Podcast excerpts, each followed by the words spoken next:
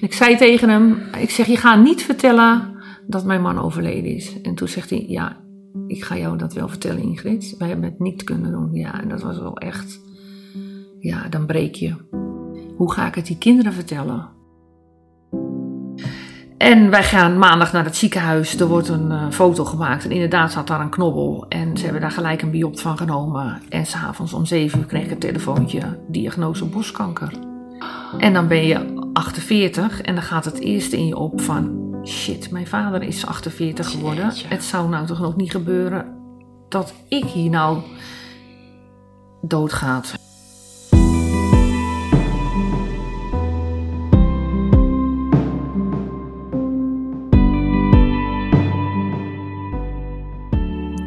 Dit is de podcast De kracht van onzekerheid. Ingrid vertelt hoe zij meerdere malen geconfronteerd werd met rouw en verlies.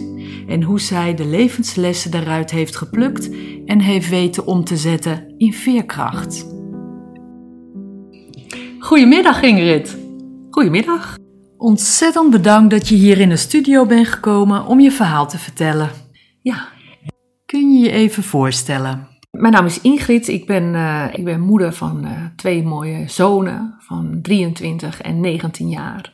Eh, ik werk in een ziekenhuis op een polykliniek, waar ik het ontzettend naar mijn zin heb. En ik ben sinds 10 jaar weduwe. Ah, En dat is natuurlijk wel een heel groot ding. ja. En afgelopen jaar was het 10 jaar. En ik was ook 50, inmiddels 51, maar ik was 50. En toen dacht ik van, goh, wat is er eigenlijk de afgelopen 10 jaar gebeurd? Ja. En eh, nou, toen kwam, ehm, toen liep ik op het strand en toen dacht ik eigenlijk van, goh, wat heb ik allemaal meegemaakt? Ik zou er iets mee moeten. En eh, toen zei een schoonzusje tegen mij van, joh, eh, misschien moet je eens een boek schrijven. En nou ja, ik denk, wie weet, eh, er zijn iets heel veel gebeurd de afgelopen tien jaar. En wie weet kan ik dan wel mensen ook helpen hoe ik het heb ervaren allemaal. Ja.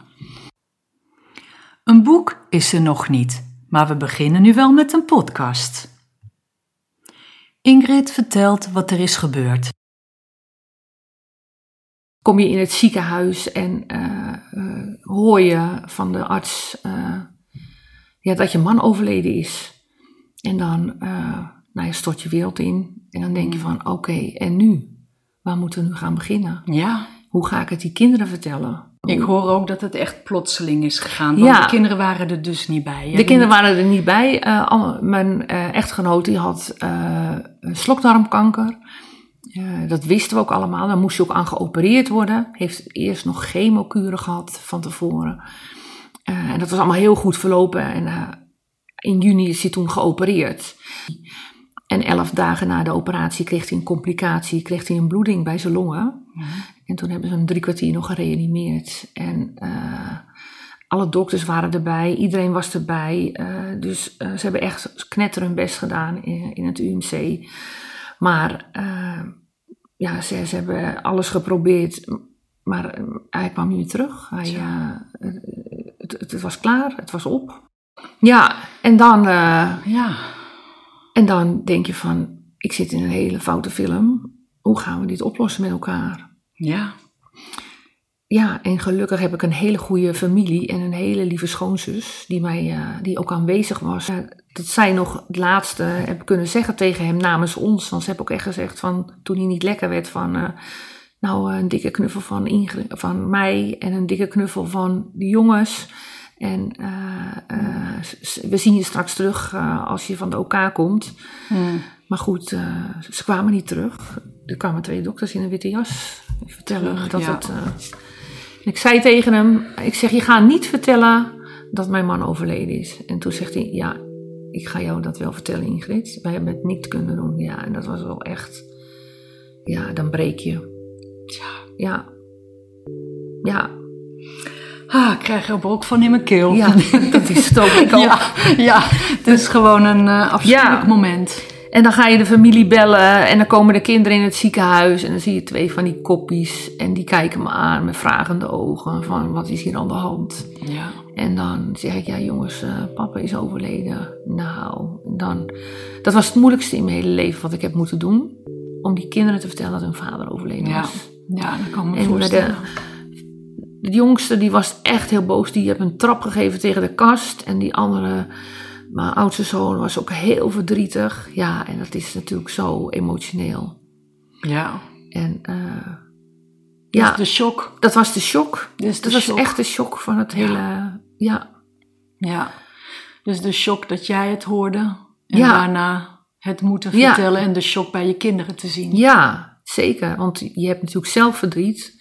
Maar je ziet ook het verdriet van je kinderen. Ja. En met je eigen verdriet, daar kan je iets mee. Mhm. Maar met het verdriet van je kinderen moet je een beetje schipperen. Dan moet je, moet je er wel over praten, moet je er niet over praten, moet je het laten gaan. Eh, kijk, met je eigen kan je, kan, je, kan je op een gegeven moment wat mee. Maar je verdriet van je kinderen is natuurlijk zo intens. Ja, lijkt me dat je ook wel met onmacht hebt eh gestaan. Zeker, zeker. Ja, naar ja, hun kijkend, want ze zullen het ook zelf moeten Ja. verwerken. ja, Maar wel met jouw aanwezigheid Ja, natuurlijk en ja. liefde. Ja. Goh, ja, dit is tien jaar terug. Ja. Het was 8 juli 2011. En eh, dan loop je, de familie komt dan, en dan loop je met je familie eh, naar hem toe. En eh, eh, dan is het in ene echt. En nou ja, op een gegeven moment neem je met z'n allen afscheid en ga je daar naar huis. En dan zit je in de auto naar huis met die twee jongens naast je.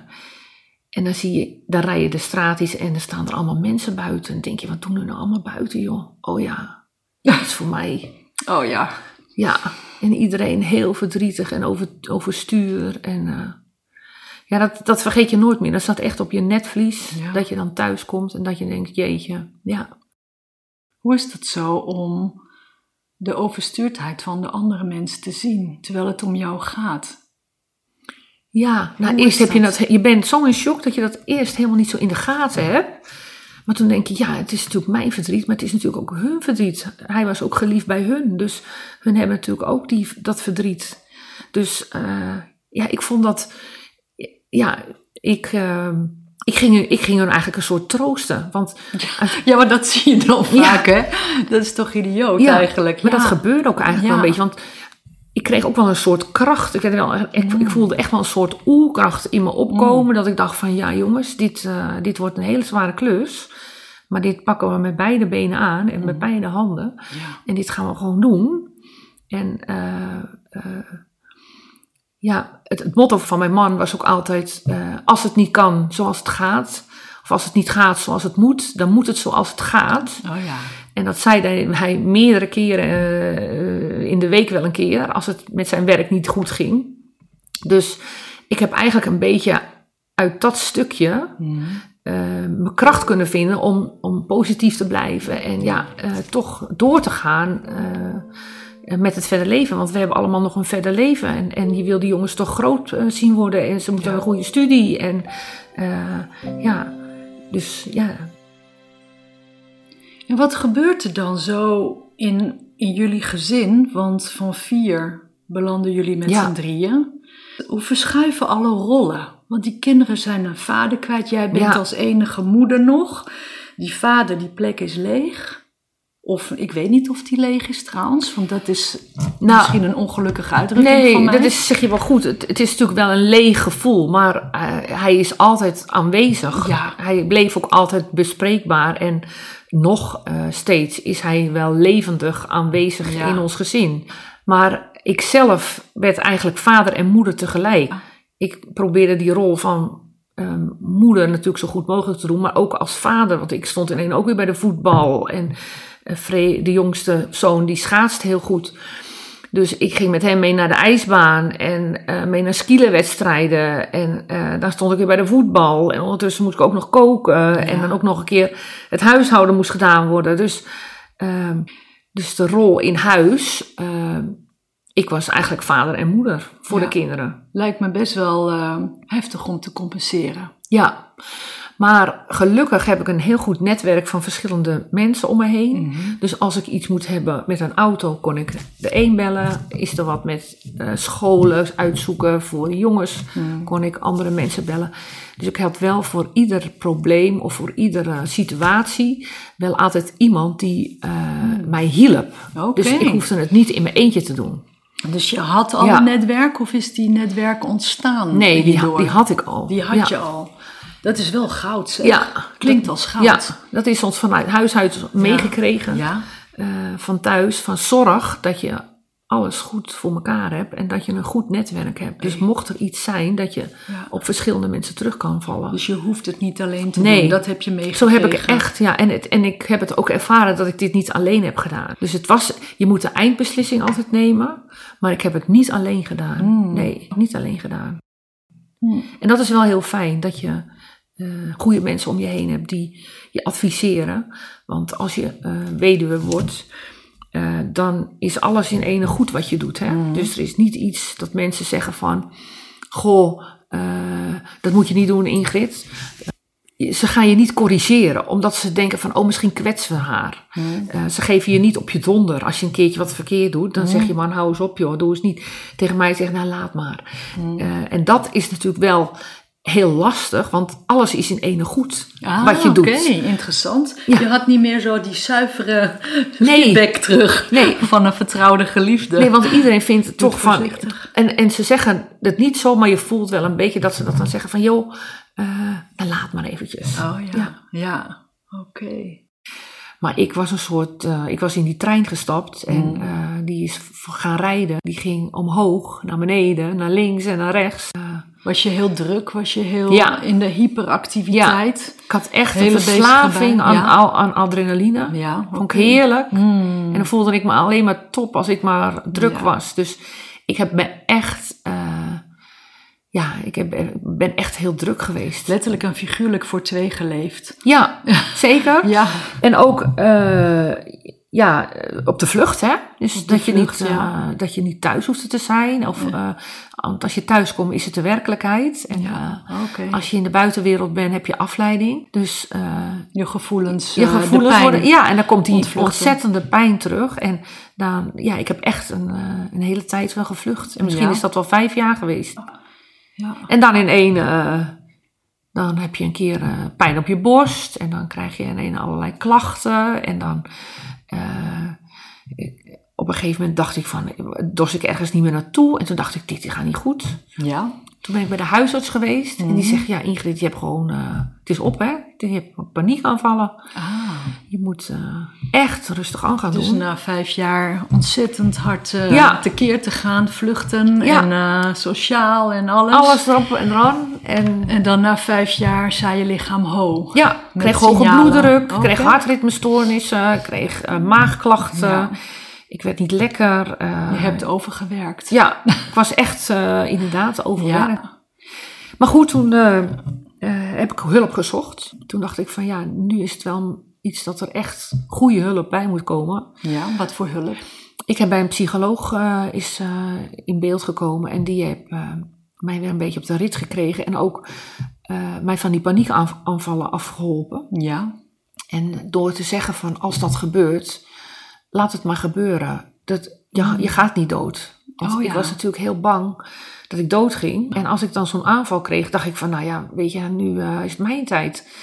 En dat kan niet. Want je hebt je hebt nog twee twee kinderen, ja. thuis zitten te wachten. Ja. Dus uiteindelijk ehm heeft zij mij daar wel doorheen geholpen eh, om eh, daarvan af te komen. En kan je zo vertellen hoe het gaat om zo'n paniekaanval over je heen te laten komen? Nou, ik had het een naam gegeven. Zij had daar een Winnie de Poebeer staan. Ze zegt, noem het maar Poe, Poebeer. En als ik het dan aan voelde komen, dan zegt ze van, nou, ga, maar, ga het maar aan met die Poebeer. Laat het maar gebeuren. En toen ik dat eenmaal onder controle had, toen was het ook bijna eh, over. Ja, dus door eigenlijk die reactie op zichzelf, Ja. de paniekaanval, een naam te geven. Ja, dat hij er mocht zijn. hè? Dat die er mocht zijn Ja. en dat je daarna misschien naar kan kijken. Ja. Hè? Als, als het ware je En voelen houden en Ja. voelen. Ja, Toen ging dat in kracht afnemen. ja, ja. Dus toch het aangaan. het aangaan van eh, Het dat- gevoel. ja, het gevoel. En het- In plaats op een van gegeven wegrennen moment, ja, dus, hè? wegrennen, ja. Ja. En op een gegeven moment ging ik ook eh, er een soort patroon in zien wanneer ik die aanvallen kreeg. Mm. En dat is altijd als, ik, eh, als er iemand overleden is, of als er iemand, als het verdriet is, of als ik naar een, een, een avondwaken moest, of eh, als ik, ja, als het zoiets was Ja. dan kwam die paniekaanval. Dus het was eigenlijk een soort in mijn lijf zittende eh, pijn die dan getriggerd werd als ik naar zo'n situatie moest. Waardoor mijn lichaam zegt van, doe dat nou niet. eh, ja, eh, Een soort Misschien- van lichaamsgeheugen en Ja. dan een signaal die daarop Ja. afvuurt.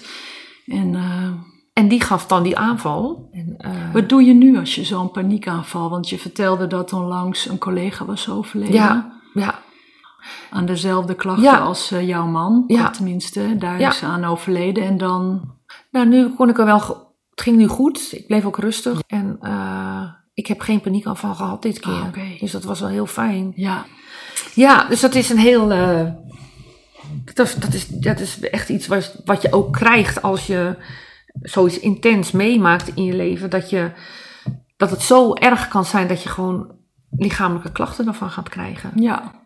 De stressklachten. Echt en verdrietsklachten echt, ook. Hè? ja. Want dat is toch het verdriet wat ontvlucht raakt. eh, Of eh, wordt. En Ja. eigenlijk waar relatief eh, misschien weinig aandacht krijgt. Of dan wel jouw aanwezigheid heeft.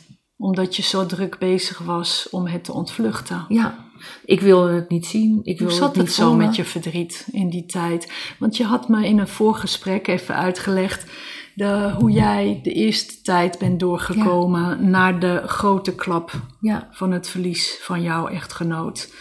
Hoe heb je dat gedaan? Vertel eens. Ehm, eh, wat ik eh, meemaakte is als eh, de hele wereld gaat door, door, door. Iedereen rent door, maar eigenlijk jouw wereld staat gewoon keihard stil.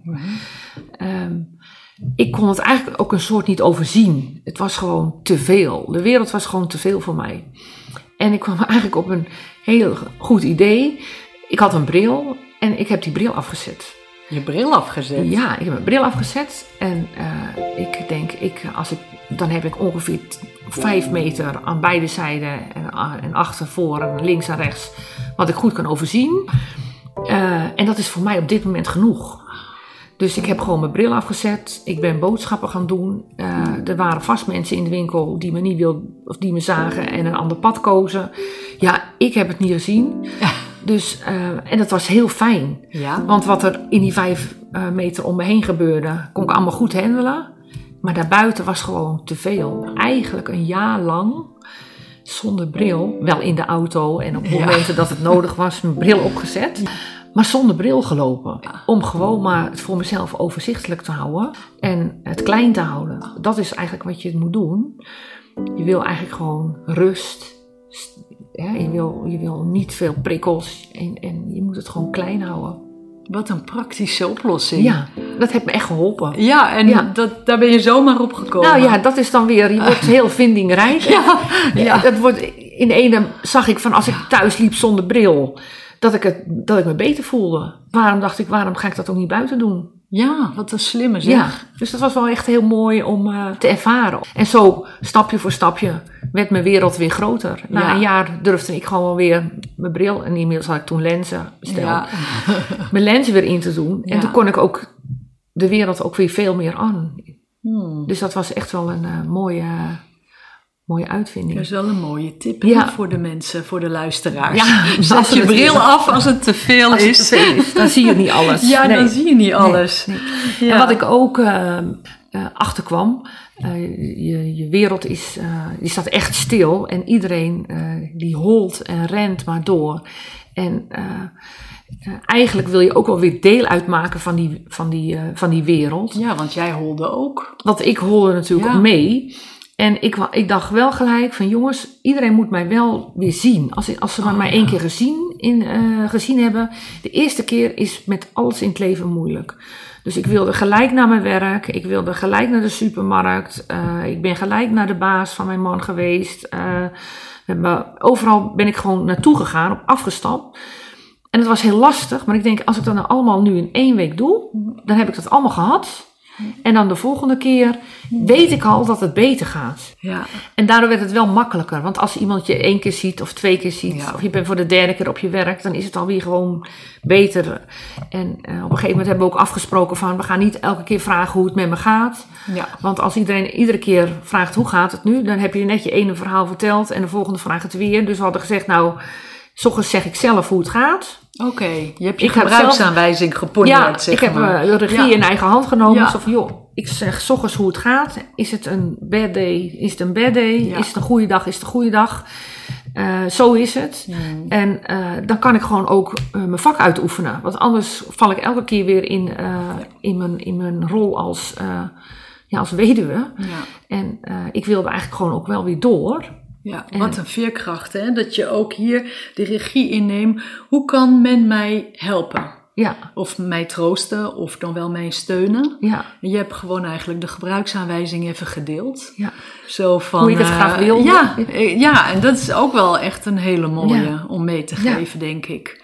Het Ja. heeft mij heel erg geholpen dat je gewoon de regie in eigen hand houdt. En dat helpt ook de anderen. Ja.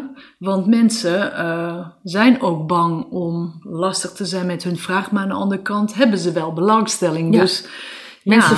Je ziet ook, mensen willen soms wat zeggen tegen je, maar durven niks te zeggen. Ja. En als je er dan op afstapt van, hé, hey, eh, ik- ik ben er hoor. Of, eh, eh, ik heb vandaag een goede dag hoor. Dus, eh, dan is het ijs al gebroken en Ja. dan komt het vanzelf. ja, precies. Ja, wat Dus goed. ja.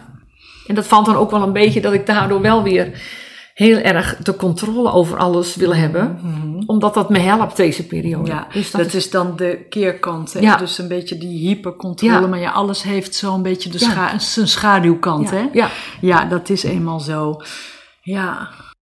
Even terug naar je twee zonen. Mhm. Eh, ik kan me voorstellen als papa opeens zo eh, wegvalt. Eh, wat gebeurt er, ik zou zeggen, bijna systemisch in jullie gezin? Want wat ik dan vaak hoor als ik mensen begeleid, dat bijvoorbeeld de oudste dan de plek van de vader wil innemen of zich gaat zorgen maken of eh, de, de jongste zoon eh, bemoederen. Nou, in dit Ja. geval Ja. de vader. Maar hoe, wat zag jij gebeuren binnen deze Ja, jongens? dat is wel heel mooi. Ehm, de oudste heeft niet de rol van vader overgenomen. En de jongste ook niet. Eh, maar wat ik heb gedaan, ik heb eh, mijn eigen een soort verlaagd. Ik heb mijn eigen op hun level eh, proberen Dat, te. ja.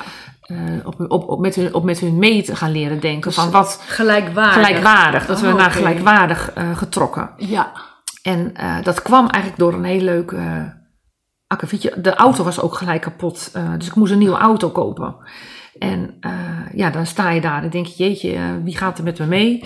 En we gingen op een gegeven moment een proefritje gaan maken met de auto. En ik denk, ik, met z'n drietjes? met z'n- ja, en iemand die ik mee had genomen. en, Oh, de- en ik en de twee jongens. Ja. En op een gegeven moment zitten we in de auto voor proefrit. En zegt de oudste tegen mij: Mama, zegt hij, ik vind het een hele mooie auto. Maar ik zit hier heel krap achterin. Oh. En eh, de jongste zegt ja, en wij gaan nog groeien. Dus als jij deze auto koopt, dan hebben we echt straks een probleem als jij ons moet rijden voor de voetbal en het schaatsen. en toen dacht ik, en nou weet ik het, ik moet gewoon luisteren naar die kinderen als Ja. ik iets heb. Ja. Want die zijn heel, heel erg bij de basis. Dus toen dacht ik, ik moet gewoon met hun gaan overleggen. Mm. Ik, ben, ik hoef het allemaal helemaal niet in mijn eentje te doen. Ja. Ik ga gewoon met hun overleggen. Ja. Waardoor je dus ook van hun kritiek krijgt. Wat, wat je gewoon nodig hebt. Feedback. En, en goede feedback. Ja. En, en, en bij ons is het ook gewoon zo, eh, we zijn allemaal gelijkwaardig. En eh, iedereen eh, mag zeggen wat hij wil. Ja. En dat is natuurlijk heel fijn. En er is er geen eh, hoofd van de familie. Ik ben natuurlijk wel de CEO, zeg ik altijd. Ja. Van het, van het gezin. ja. Maar iedereen beslist Als het moet, zelf. Als, Als het het moet, moet, eh, dan, heb- eindverantwoordelijkheid ja, nemen. dan neem ik de eindverantwoordelijkheid. Ik zet ook overal de handtekening onder. ja. Maar eh, Ja. we, we mogen allemaal zelf uh, hebben evenveel inbrecht. In, Een zelfsturend team heet dat. eh. Ja, dat is inderdaad zo.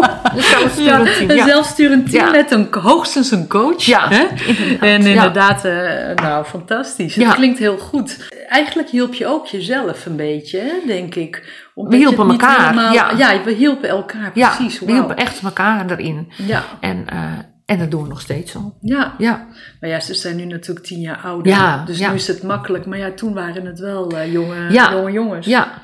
En ze hebben hele goede kritiek ook. Eh, Ja. eh, ze hebben echt goede kritiek, want op een gegeven moment zagen ze ook, als er bezoek was, dat ik verdrietig werd. Mm. Dus, en dan gingen de jongens gingen dan naar boven. En toen zei de oudste op een gegeven moment: Mam, zegt hij, ik vind het gewoon niet fijn als er s'avonds bezoek komt. Hij zegt, want dan wil ik gewoon televisie kijken en dan wil ik niet eh, dat jij huilt. En toen dacht ik, ja, dat is natuurlijk zo. Want een kind wil zijn moeder niet zien huilen.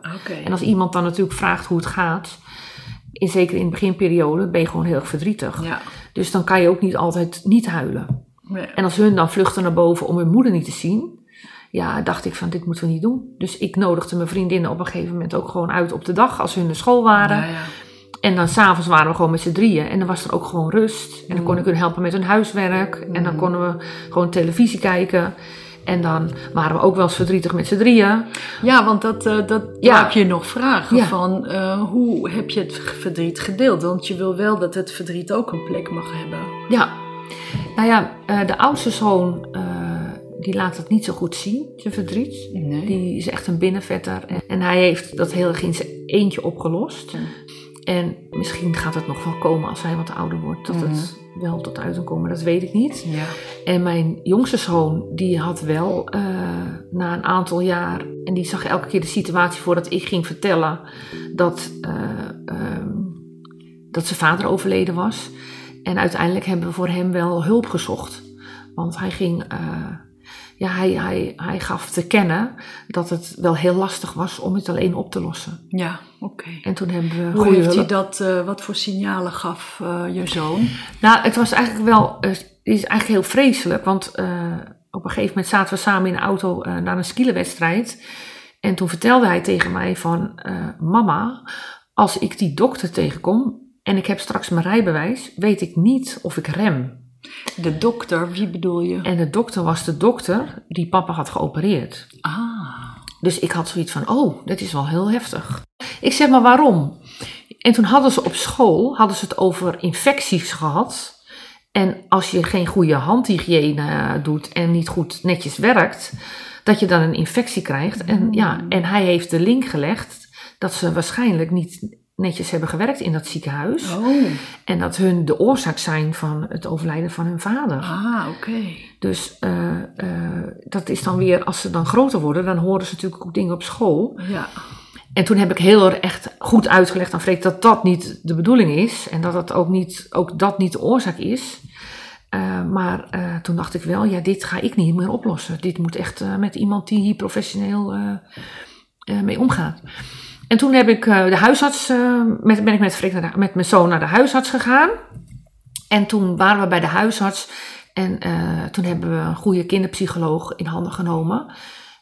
in een andere plaats dan waar wij woonden.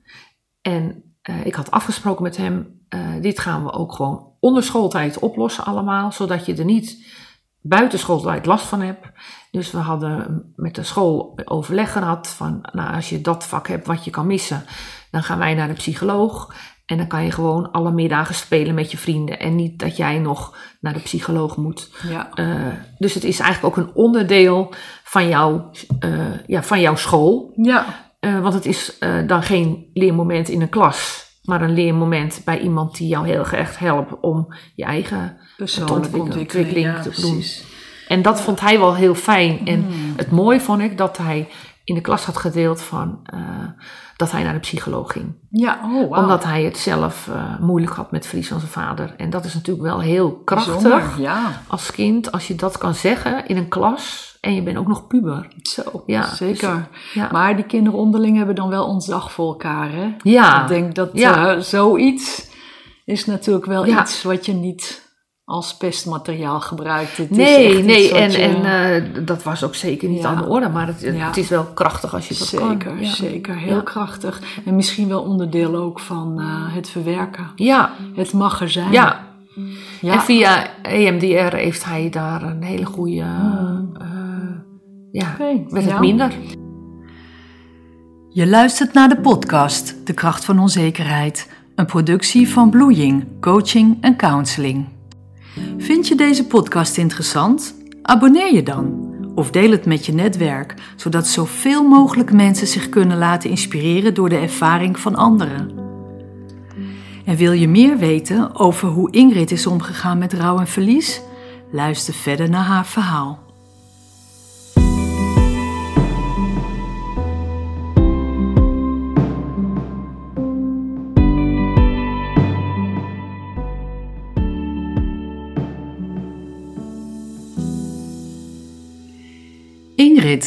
In het eerste deel van ons gesprek heb je ons verteld hoe jij en je kinderen met de shock van het verliezen van je echtgenoot en hun vader zijn omgegaan. Maar jij bent ook je vader verloren op jonge leeftijd. Dat klopt. Ehm, toen ik 17 was, eh, is mijn vader ook overleden. Ehm, mijn vader is eh, overleden aan zelfdoding. Dat is natuurlijk eh, voor een kind heel kwetsend. Nou, voor iedereen natuurlijk heel kwetsend, maar voor een kind natuurlijk ook heel heftig als je vader uit het leven stapt. zonder dat je dat aan ziet komen. Wist je dat, dat het zelfdoding was toen in het begin? hoe werd het je aangekondigd?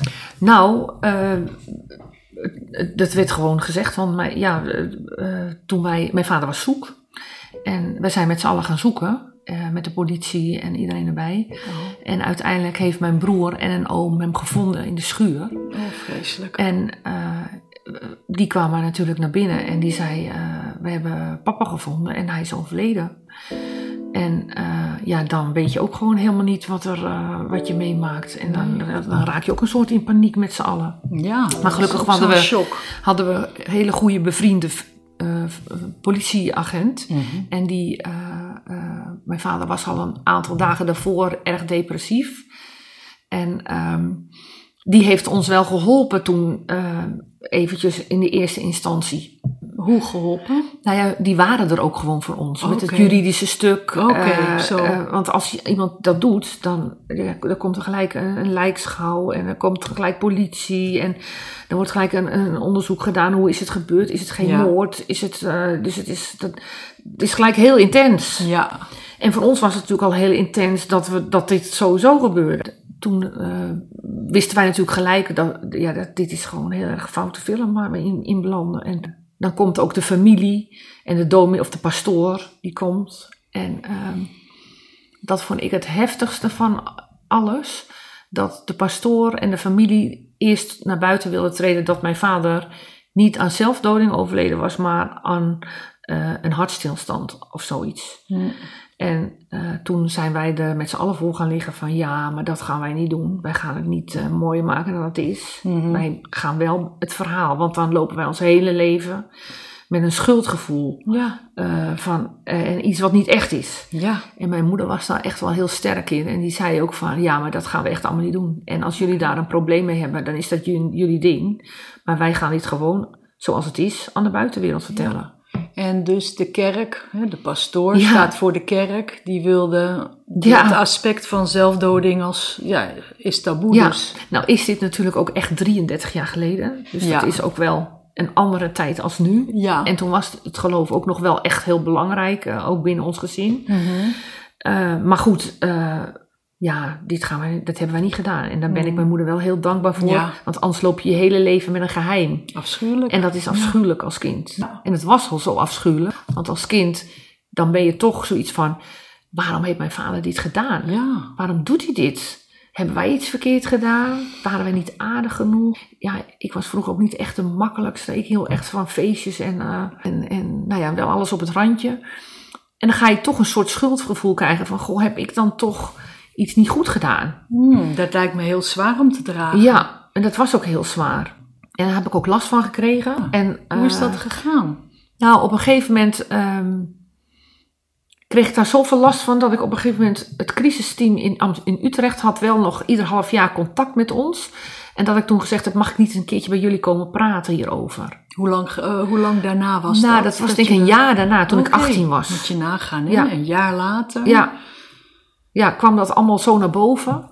En uh, inmiddels, wij hadden ook een boerderij, die moest verkocht worden. Dus wij gingen ook in een soort uh, modus van uh, vluchten. Mm -hmm. Dus nou, allemaal, we moesten die helpen met de boerderij. De boerderij moest verkocht worden. We gingen van het ene plaatsje naar het andere plaatsje verhuizen. Dus het eerste half jaar ja, heb je eigenlijk niet zoveel meegemaakt. Word je geleefd. Word je geleefd. Plus en, een verhuizing. Dus je bent je vader kwijt ja. en hij was ja. boer. Ja. En de hele boerderij dan moet opgedoekt worden. Maar dat is echt dubbel verlies. Ik bedoel, de, al, je wordt helemaal ontworteld eigenlijk. Ja, je wortels worden eigenlijk uit de grond getrokken. En we moesten naar een ander dorp. Uh, waar de familie van mijn moeder woonde. En daar werden we echt natuurlijk met open armen ontvangen. Mhm. En iedereen heeft ons super zijn best gedaan voor ons om ons op te vangen daar. Maar het was wel heel heftig. Want ik weet nog dat we gingen verhuizen en dat ik een keer gedroomd had dat de kast werd weggehaald en dat mijn vader achter de kast zat. Dat je dacht van, oh het is helemaal niet waar. Hè? Het is helemaal niet waar dat hij overleden is. En dat, eh, eh, dat weet ik nog zo goed toen die tijd. En toen, toen dat echt niet was, dat hij echt overleden, dat, dat toen besefte dat hij echt overleden was. Dus je bent een half jaar een soort in shock. Ja. En in ene komt dat besef van, ja, het is echt zo. En toen gingen we verhuizen naar een ander dorp. Ja, en dat was natuurlijk ook wel weer een dingetje. Want dan ben je ook 18 en ook een beetje opstandig. Want dan wil je eerst daar geen boodschappen doen. En je wil, ging in je eigen dorp toch nog boodschappen doen. En nou ja, uiteindelijk is het allemaal weer goed gekomen. En, eh, En eh, wat, eh, wat heb je gehad aan die begeleiding? Want je had dat crisisteam nog gevraagd Ja. om hulp. Nou, die, die gaan van een klein beetje structuur. En dat het niet altijd onze schuld was. En dat het ook eh, iets anders kon zijn. Maar dat schuldgevoel heb ik eigenlijk wel bijna 23 jaar gehad. Wat Onbewust. zwaar. Ja. Totdat mijn man ziek werd. En ik erachter kwam eh, dat de doodsoorzaak van mijn vader misschien wel iets anders als oorzaak had dan dat het zijn eigen keuze was geweest. Vertel eens. Mijn vader had ehm, eh, een maagoperatie gedaan vier jaar voor eh, zijn eh, overlijden. En bij een maagoperatie en een deel van zijn slokdarm weggehaald, eh, gaan ook de eh, receptoren die de vitamines ehm, je lichaam in, inbrengen, die worden weggenomen. Eh, dus mijn vader zal, kan heel goed een gigantisch vitamine B12 en een vitamine D tekort hebben gehad. Waardoor je dus depressieve klachten gaat krijgen. Ah, ja. En als je dan bijvoorbeeld gaat behandelen met eh, antidepressiva, betekent, en, en als dat niet helpt, nog meer antidepressiva, nog meer, nog meer antidepressiva. Dus eigenlijk overdoseren antidepressiva. En je geeft geen vitamines wat eigenlijk nodig is. Dan kan je dus in een situatie terechtkomen dat je heel erg gevaarlijk wordt voor jezelf. En daar kwamen we achter toen ik bij een gesprek zat bij een verpleegkundig specialist. Toen met mijn echtgenoot zijn slokdarmkanker. Want die man vertelde, die kreeg een telefoontje en vertelde dit verhaal wat ik nu net vertelde Ja. aan een patiënt. En toen dacht ik, hè, zou dat het toch zijn? En we weten het natuurlijk niet zeker.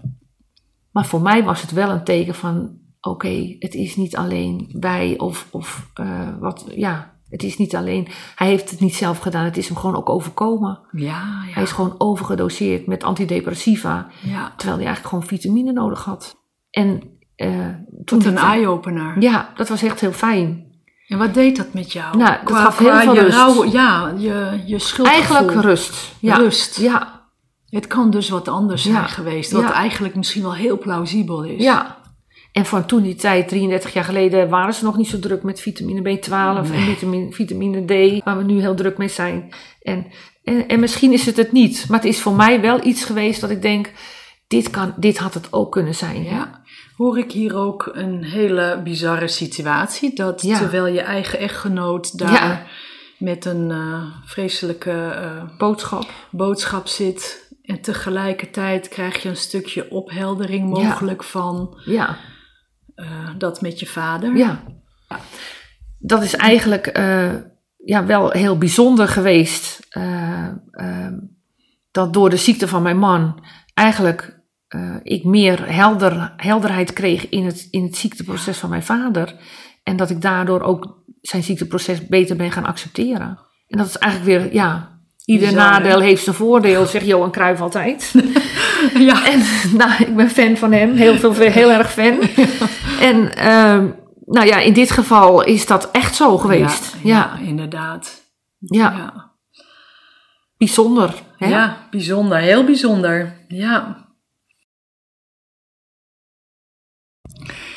Ingrid, je vertelde mij dat je ook nog iets was overkomen. Nou, zeker.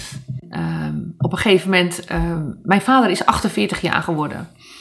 En als je eh, je vader verliest, dan denk je van, oh jee, wat gebeurt er als ik 48 eh, word?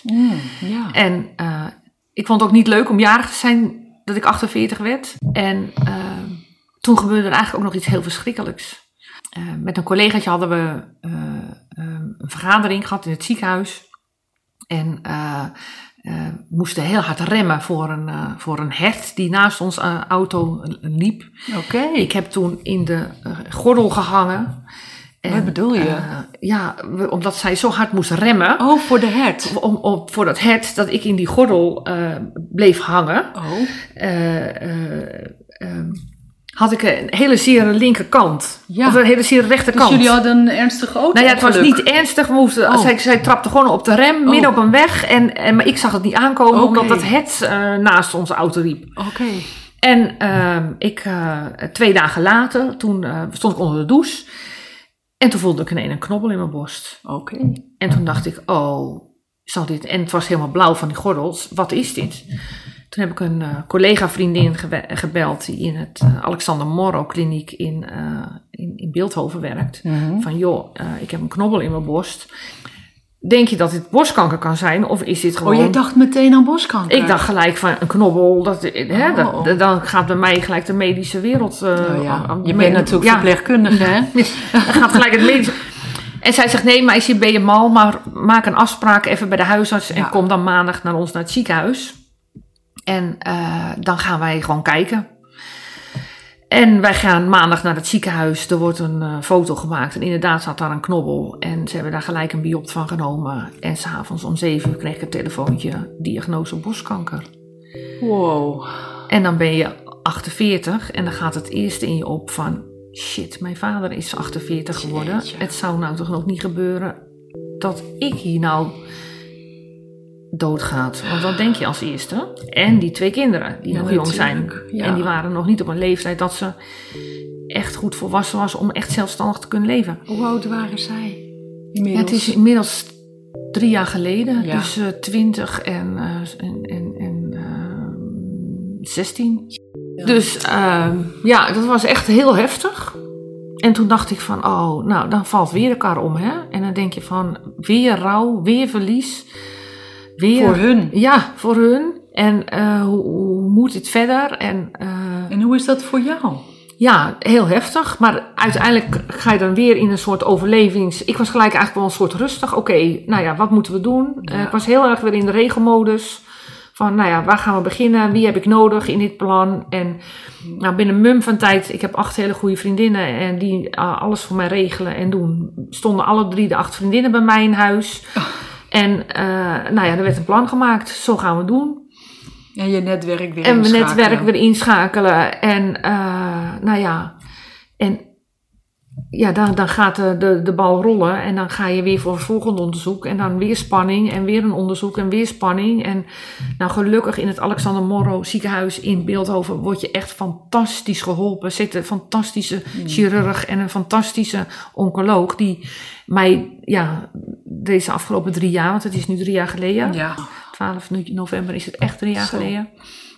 Dus het is ook echt belangrijk als je zoiets meemaakt, dat je dan weer de goede mensen om je heen hebt. En het mooie was, ehm, eh, of het mooie, het is eigenlijk ook niet mooi. De, de rol van de kinderen werd ook heel, gewoon, ook heel duidelijk. Op een gegeven moment toen eh, eh, kwam mijn oudste zoon de trap af en die zag al mijn acht vriendinnen huilen in de kamer. En die had zoiets van, we gaan dit toch nou niet weer krijgen. Hè? Oh, We ja. hebben natuurlijk papa al gehad. Ik wil niet dat als ik beneden kom, dat er weer iedere keer allemaal mensen zitten te huilen. Dus die nam eigenlijk een soort de regie. En die zei van, eh, ik wil niet eh, dat jullie eh, allemaal komen en dan ook weer komen huilen. Want als wij thuis zijn... Ehm, maar ik wil wel als eerste op de hoogte gebracht worden als er wat is met jouw mama. Oké. Dus ik Dus denk, hij wilde wel echt informatie. En Hij dan zegt, wel op de eerste rij en als eerste rij. Ja. Dus wij hebben afgesproken als er wat is, en dat heb ik natuurlijk altijd al gedaan. En we hebben afgesproken dat de oudste en de jongste zoon altijd alles als eerste te horen krijgen Ja. als er iets was. En gelukkig tot, eh, tot nu toe gaat het gewoon nog steeds de goede kant op. Ik moest wel een behandeling van een operatie, bestraling en tien jaar hormonen, waar ik nog steeds aan zit. Dus het is wel pittig, maar eh, ja, als ik zie hoe het gaat, dan eh, mag ik niet klagen. En Oké. Want je bent nog steeds onder behandeling. ja, ja, toevallig vorige maand weer langs geweest voor een servicebeurtje. Een servicewoordje, wat bedoel je? alle vijfde dokters of alle vijfde Ja. onderdelen weer gehad. En Ja. eh, alles goed. Dan is het weer zoiets van... eh, ja, want dat is natuurlijk wel heel pittig. Is dat om de zoveel tijd, om de drie maanden? Ieder jaar. Ieder jaar Ja. krijg je dan zo'n hele, Ja. eh, word je doorgelicht. Ja, en, dan, krijg je een gesprek. uit- ja, en dan is de uitslag. een, een internist of een, een, een oncoloog. Eh, er worden botscans gemaakt. eh Alles. DEXA-scan. Ja. Ja, alles. En dan... En vertel me, hoe hebben die jongens op die shock, want dat hadden ze al van hun vader gehad en nu weer met hun moeder. ja, vreselijk. Hoe, hoe heb je daarover gepraat met nou hen? en of. Eh, we hebben met hun natuurlijk gesproken. En, eh, maar ja, we kunnen allemaal niet in de toekomst kijken. Het enige wat we tegen elkaar kunnen zeggen is... we gaan eerlijk zijn over de situatie... en eh, we gaan niks achterhouden. Eh, hun waren natuurlijk ook angstig en bang dat ze mij gingen verliezen. Maar hun hebben gelukkig ook alle twee een hele fijne vriendengroep... waar ze dit heel goed in kunnen delen. Ja. En waar ze dit ook in delen. En waar alles in eh, bespreekbaar is. Oh. Dus voor hun is dat natuurlijk ook eh, heel mooi. Dat ze, het, ja, dat ze het ook met hun vrienden kunnen delen. Ja, en voor de rest, we moeten gewoon zien hoe het loopt. We weten Ja. het niet. Heb jij eh, verschillen in gedrag gemerkt bij een van je kinderen of twee kinderen? Dat, dat ze eh, anders zich om jou gaan ontfermen? Worden ze liever, bozer of eh Nou ja, stiller? ook weer die, die, die, die, die eh, wat je, de, ja, de, Kubler-Ross, om het zo maar te noemen. De, de fases waar je in, in komt. Hè? Dus eh, Ja. inderdaad ook, eh, ze waren natuurlijk ook bang. En ze waren natuurlijk ook verdrietig. En ze waren natuurlijk ook boos. En, Mhm. eh, maar als we elke keer, we kregen elke keer wel goed bericht. Dus dan, dan kan je al heel gauw snel Mhm. accepteren. En dan kan je ook weer een beetje vertrouwen krijgen. En dat was elke keer. Als daar een keer een klink in zit dat het niet zo is, ja, dan zouden ze misschien daar meer last van hadden. Maar iedere keer hadden we goed nieuws. Dus iedere keer bouwden we dat gewoon op van oké, het is toch weer goed, het is toch weer goed, het is toch weer goed. Ja. Ja.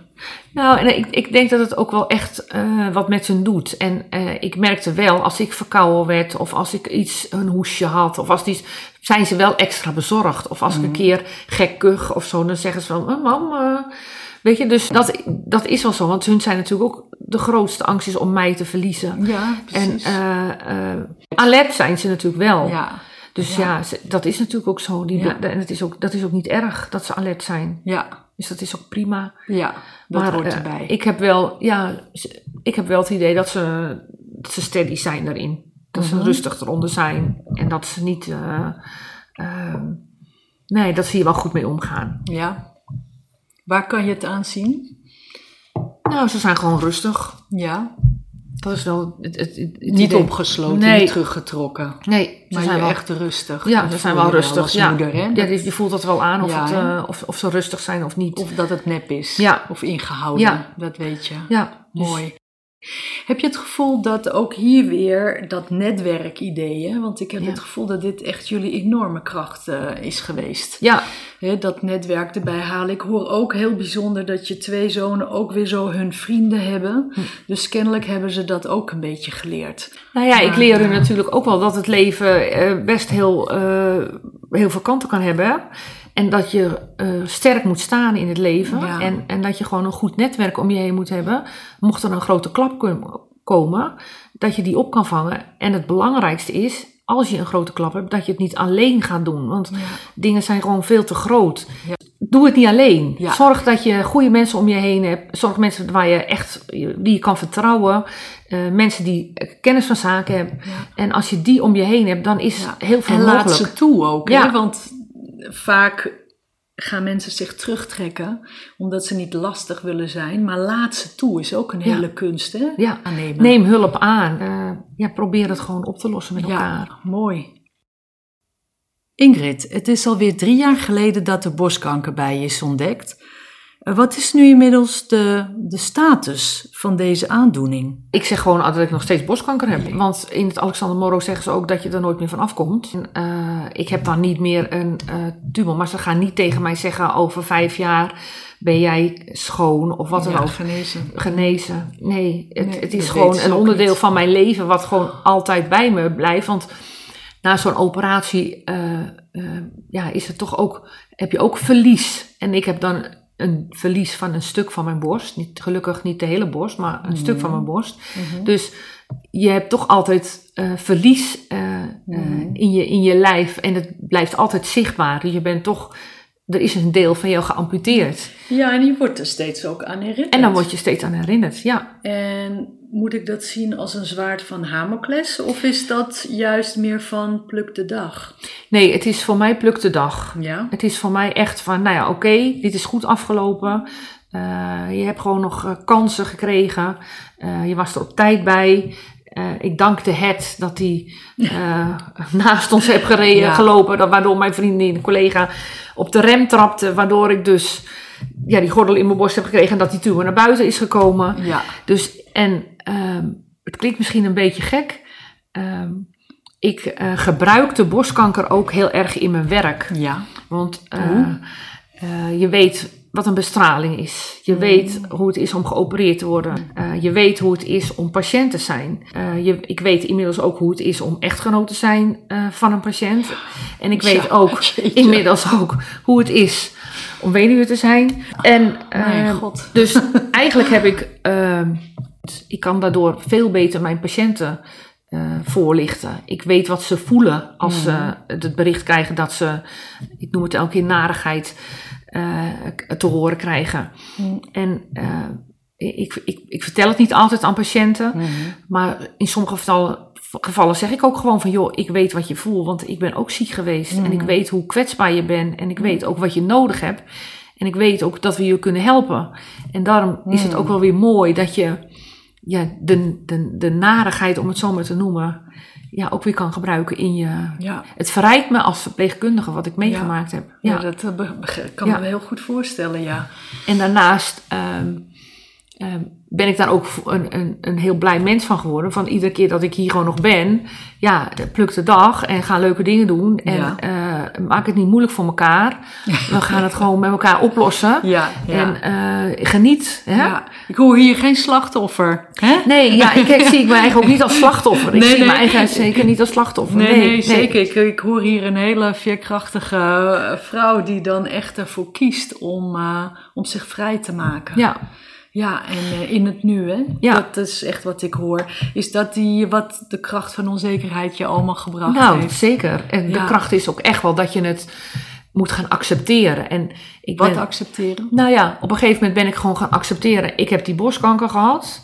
Het is heel vervelend, maar kijk wat het je brengt. Oké. En, Ja. eh, eh, en het is natuurlijk met het weduwe zijn, is natuurlijk ook eh, vreselijk. Ja. Maar eh, je bent niet alleen op de wereld. Eh, Er zijn vogels om je heen. En Marco- vrienden? En Familie, vrienden, hè? ja. Die, je, je netwerk. Marco Borsato heeft een heel mooi liedje geschreven. En dat liedje, dat heet Mooi. En dat heeft voor mij ook extra meerwaarde, omdat de clip opgenomen is in de Oostwaardenplassen. En daar heeft mijn echtgenoot, was zij een van zijn laatste grote klussen, om daar de dieren van eh, een, een grondwal te voorzien, zodat ze 's winters eh, konden schuilen als het sneeuwt. Oh, wauw. En als ik dan die clip bekijk, komen daar ook heel veel beelden in van, Oh. van, van de Oostwaarderplassen. Dus dat is voor mij ook echt heel mooi om, eh, net zoals het liedje mooi ook heet, om daarnaar te luisteren. Als je iets moois wil horen, moet je Ja. dat liedje eens een keer luisteren. Oh, Want dat eh, heeft mij heel erg geholpen om door te gaan hierin met, met al die narigheid in mijn leven. Ja. Eh, ja, de eerste zin ook, eh, is ook van, ehm, ja, hoe, hoe begint de dag, hè? Met een lach of een traan. Ja, dat, dat is natuurlijk al, hoe sta je op? Als je al opstaat met een traan, dan weet je ook al dat het een tranendag dag wordt. En als je opstaat met een glimlach en je kijkt om je heen van, goh, het is toch ook nog wel mooi en de, de blaadjes vallen en de eh, mooie herfstkleuren ja. dan ja, dan als, je daar, als je daar weer van kan genieten op een gegeven moment, ja, dan vind ik dat toch wel ja, heel rijk. Ja, dus eigenlijk misschien ook, soms ook al heb je een dag met een traan, Ja, misschien kan je ook nog blijven zien dat de zon schijnt. ja. Nou, zeker. Ja, hè, naast elkaar. Zeker. Ja. Mooi. Ja. Goh, we gaan eh, gauw naar het liedje luisteren. ja. Hoe val je in slaap? Hoe begint je dag? Open je je ogen met een traan of met een lach? En kijk je om je heen en zie je dan de zon? Of zoek je achter alles naar de schaduw op de grond? En leef je voor geluk? Of sterf je van... Wat een verhaal, Ingrid. Nou hè? Ja, en eh, misschien ook wel goed om eh, weer nog eens even terug te gaan op het gevoel van rouwen. Wat, hoe dat voelt, het verdriet. Nou, de afgelopen, het afgelopen jaar eh, zijn ook twee kennissen van mij eh, overleden. En eh, eh, afgelopen jaar heb ik al heel erg mijn eigen rouw en verdriet weer teruggevoeld. Oh ja, opnieuw. Echt weer opnieuw herleven. Ook omdat het natuurlijk tien jaar geleden was van eh, mijn echtgenoot. En hun waren ook alle twee heel jong. 45 en 9, eh, 49. Jeetje. En ook alle twee kanker Mm. waar ze aan overleden zijn. En dan, eh, dat is ook een beetje mijn eigen verdriet, hè, omdat ik dat natuurlijk ook heb. En dan denk je van, oh jee, hè, ik hoop niet dat dat mijn voorland ook is. Het resoneert aan je eigen Ja, verdriet. Dus Oh, dan- het maakt je weer bang. Het maakt je bang, hè? Hoor ik je zeggen. ja, Ja, het maakt me dan weer bang.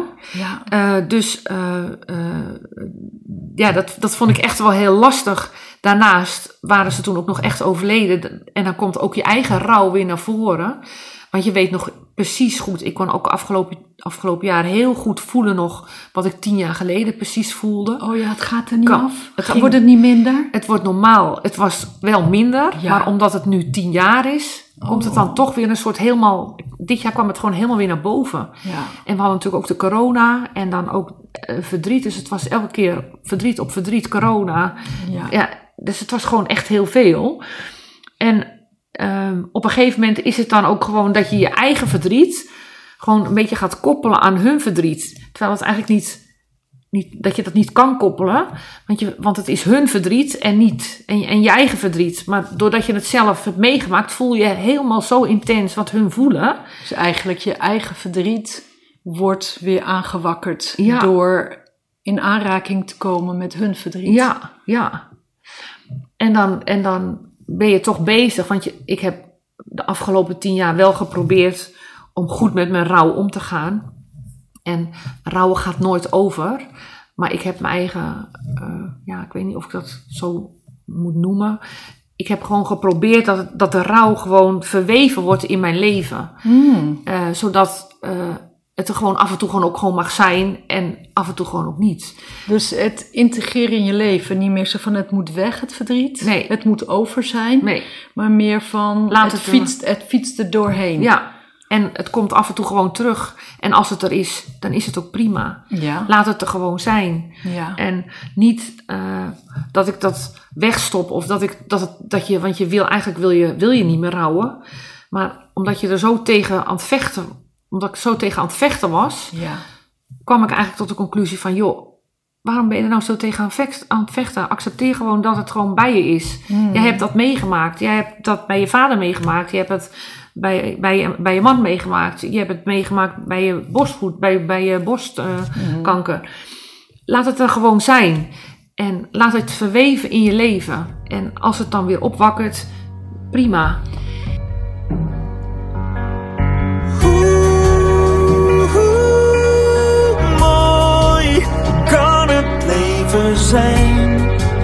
Het is maar hoe je kijkt, het is maar wat je doet. Hoe, hoe mooi is jouw werkelijkheid? Jij bent net zo rijk, zo rijk als je je voelt.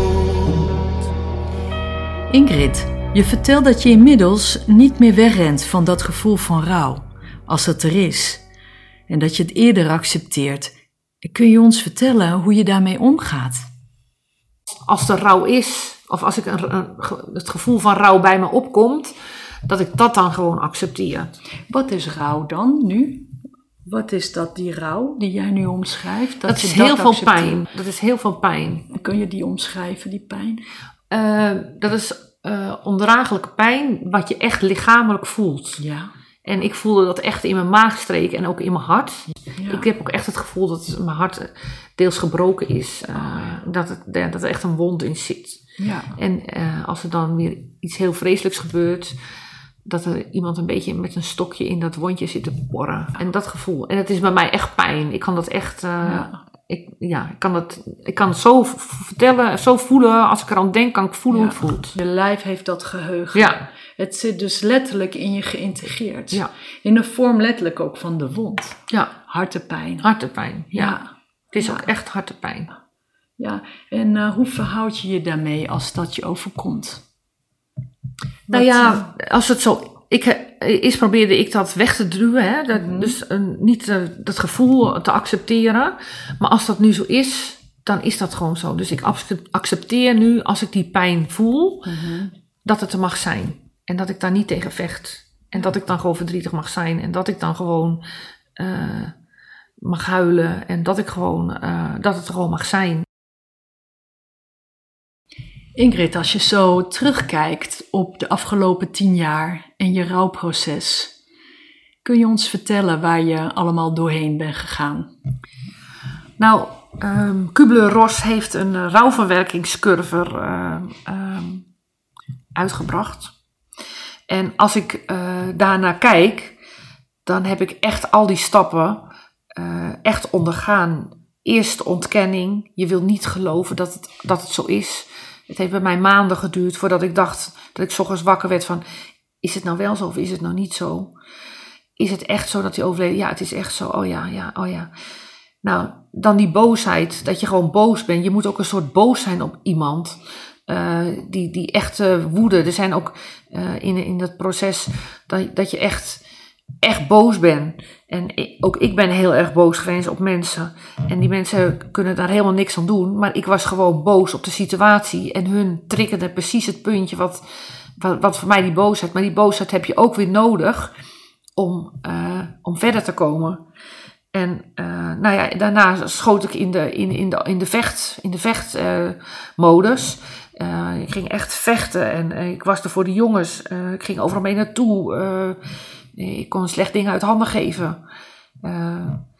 maar uiteindelijk gaat dat je opbreken. Dus raak je dan, nou depressie vind ik een, een, een heel zwaar woord, maar je, je, je komt wel in de put. Mm-hmm. En dan denk je wel van ja, hoe gaan we dit nou allemaal weer oplossen? Ik kreeg toen ook klachten. En ik, ik, ik, werd ook ziek. En ja, dat was echt wel een, uh, echt wel even een dingetje. Ja, het diepdal van de curve. Ja, ja, ja. En uiteindelijk, ehm, toen ik dat allemaal weer had opgelost. En de goede mensen had opgezocht die mij daarbij hielpen. Ja, om door die curve te gaan. Om door hè? die curve te gaan. Ja. Dus dat ik er ging, in ging berusten. Dat ik het ging accepteren. Dat ik dingetjes los ging laten. Uh, ja, toen, ja, toen pas voelde ik eigenlijk een soort vrijheid. Ja. En wat voor vrijheid? Kun je die beschrijven? Is het een Ja. ruimte, een vrijheid, een vernieuwing? Een acceptatie van, oh ja, weet je, het is echt een, de, de, de acceptatie van, de vrijheid van acceptatie. Ah, ja. En uh, En wat, wat, wat, welk aspect accepteerde je toen? dat het zo is. Hmm. Ik heb, dat het echt zo is. Dat het gebeurd is. Ja, dat het gebeurd is, dat Ja. hij overleden is. Met alle pijn en Ja. alles wat eraan vastzit. Ja, En dan kom je in een soort van nieuwe fase, in een nieuwe ruimte voor jezelf. ja. En, en eigenlijk, is dat, eigenlijk is dat pas gewoon afgelopen, afgelopen jaar. Want ik had uh, mijn eigen gezet op tien jaar. Van, goh, hoe, hoe sta ik hier over tien jaar? En uh, ja, nu, nu zijn we tien jaar verder. En uh, ik, het gaat nog steeds goed. En toen ik eraan begon, dacht ik, oh jee, hoe, ik weet nog goed dat ik bij het graf stond. En dat ik dacht, uh, André was net begraven. Hoe kom ik nou de volgende tien jaar door? En als ik nou terugkijk, um, is het heel zwaar geweest. Uh, zijn er veel dingen gebeurd. Uh, maar als ik zie hoe goed de jongens het doen en hoe uh, ze hebben alle twee hun studie, hoe, uh, hoe leuke gasten het zijn geworden. En uh, ja, dan ben ik eigenlijk wel heel trots. Hele trotse moeder, fantastisch. Ja. Ja. Ingrid, de kracht van onzekerheid. Wat betekent dat nu voor jou en wat zou jij de luisteraars willen meegeven? Ehm, als je in zo'n situatie terechtkomt, ben je gewoon onzeker. Je weet niet wat je te wachten staat. Uh, je gaat van links naar rechts. Ik zeg het altijd, je komt op een weg met hele hoge bergen, diepe dalen en die naar links en naar rechts gaat. Volg die weg. En als die naar links gaat, buig mee. Probeer niet altijd te vechten als die naar links gaat terwijl jij naar rechts wil. Maar veer mee. Want vaak als je meeveert, dan uh, is het vaak makkelijker dan dat je continu uh, er tegen gaat vechten. Dus als ik mensen dingen mee moet geven, is ja, ga, niet, ga er niet tegen vechten. als je verdrietig bent, ben je, verdriet. als je verdrietig bent, dan laat je je tranen rollen. En als je boos bent, dan ben je gewoon ook boos. En laat die boosheid er ook zijn. En uh, je, je hebt ook slechte dagen nodig om de goede weer te kunnen zien. Ja. Uh, als je geen slechte dagen hebt, zie je ze ook echt niet de goede dagen. En het is heel cliché, maar achter de wolken schijnt altijd de zon. onthoud dat, want die wolken zijn soms gipzwart. En hoe, ze zijn zo zwart, maar weet dat er achter wel de zon schijnt ik weet dat uh, iemand tegen mij zei van, uh, er komt een tijd dat je er hiermee om kan gaan. Dat ik toen zei, ja, maar ik wil hier niet mee omgaan. Ik hmm. wil dit gewoon niet. Hmm. Uh, dus ik wil zeggen, ga, ga, het aan. Ga, ga het wel aan. En okay. ga er niet tegen vechten. Want ik heb daar eigenlijk te lang achteraf tegen gevochten. Ja. En dat wil ik mensen dan wel meegeven om en, en zoek vooral goede hulp. En niet uh, mensen of, of, of, of, of, iemand die, dat, die er niet geen verstand van heeft. Maar zoek mensen op die, die er verstand van hebben. Die weten waar ze over praten. Uh, die je helpen. Uh, zoek, ga lekker met je vrienden en vriendinnen leuke dingen doen. Probeer toch van dingen te genieten. En het heeft mij ook drieënhalf jaar geduurd voordat ik voor het eerst kon lachen. Uh, uh, ik weet nog dat als ik lachte, dat ik dacht, goh, ik lach. Maar ik lach eigenlijk helemaal niet. Ja. En na drieënhalf jaar gebeurde iets zoiets geks. Dat, uh, dat, we, dat, dat, ik keihard moest lachen. En dat ik een soort dacht van, goh, ik, ik, ik schaamde me eigenlijk eerst. Van, oh, je schok van jezelf? Ja, dus... en, maar dat geeft ook niet dat het ja. zo lang duurt. Ja. Ja, want het is best wel uh, inderdaad een hele tijd, hè? Ja. Een half jaar dat je schrok van je eerste echte lach. Ja. Ja, en dat is eenmaal wat het nodig heeft. Ja. De appel rijpt zoals het rijpt, of dan wel het rouwproces ja. verloopt zoals het moet verlopen. Zeker. Ja. Dus, uh, en zoek vooral heel veel lieve mensen op die je ja. heel erg blij maken. En uh, ga geen boekjes lezen van uh, dramaverhalen. Of, uh, maar probeer positief toch uh, op te staan als je ochtends wakker wordt. En als het echt niet gaat, luister dan gewoon nog een keer naar Marco Bussato. Mm. want die heeft een heel mooi liedje, mooi. En nou, daar worden heel veel mensen heel blij van. Nou, dat lijkt me echt een hele mooie tip om mee te geven. Ingrid, ik wil je ontzettend bedanken voor dit uh, ontzettend mooi gesprek. Nou, graag gedaan. Ik hoop dat ik hier mensen mee kan helpen. En uh, dat het je ook weer goed kan gaan op een gegeven moment. Ja. En, het gaat goed met je nu. Want het gaat nu goed met mij. En, ik kijk niet te ver vooruit. ik geniet van de dag. we zien wel wat het morgen is. En als je, ja, als je, als je gewoon geniet van wat je toekomt ja, dan uh, ben je een gelukkig mens. Ja, dankjewel. Graag gedaan.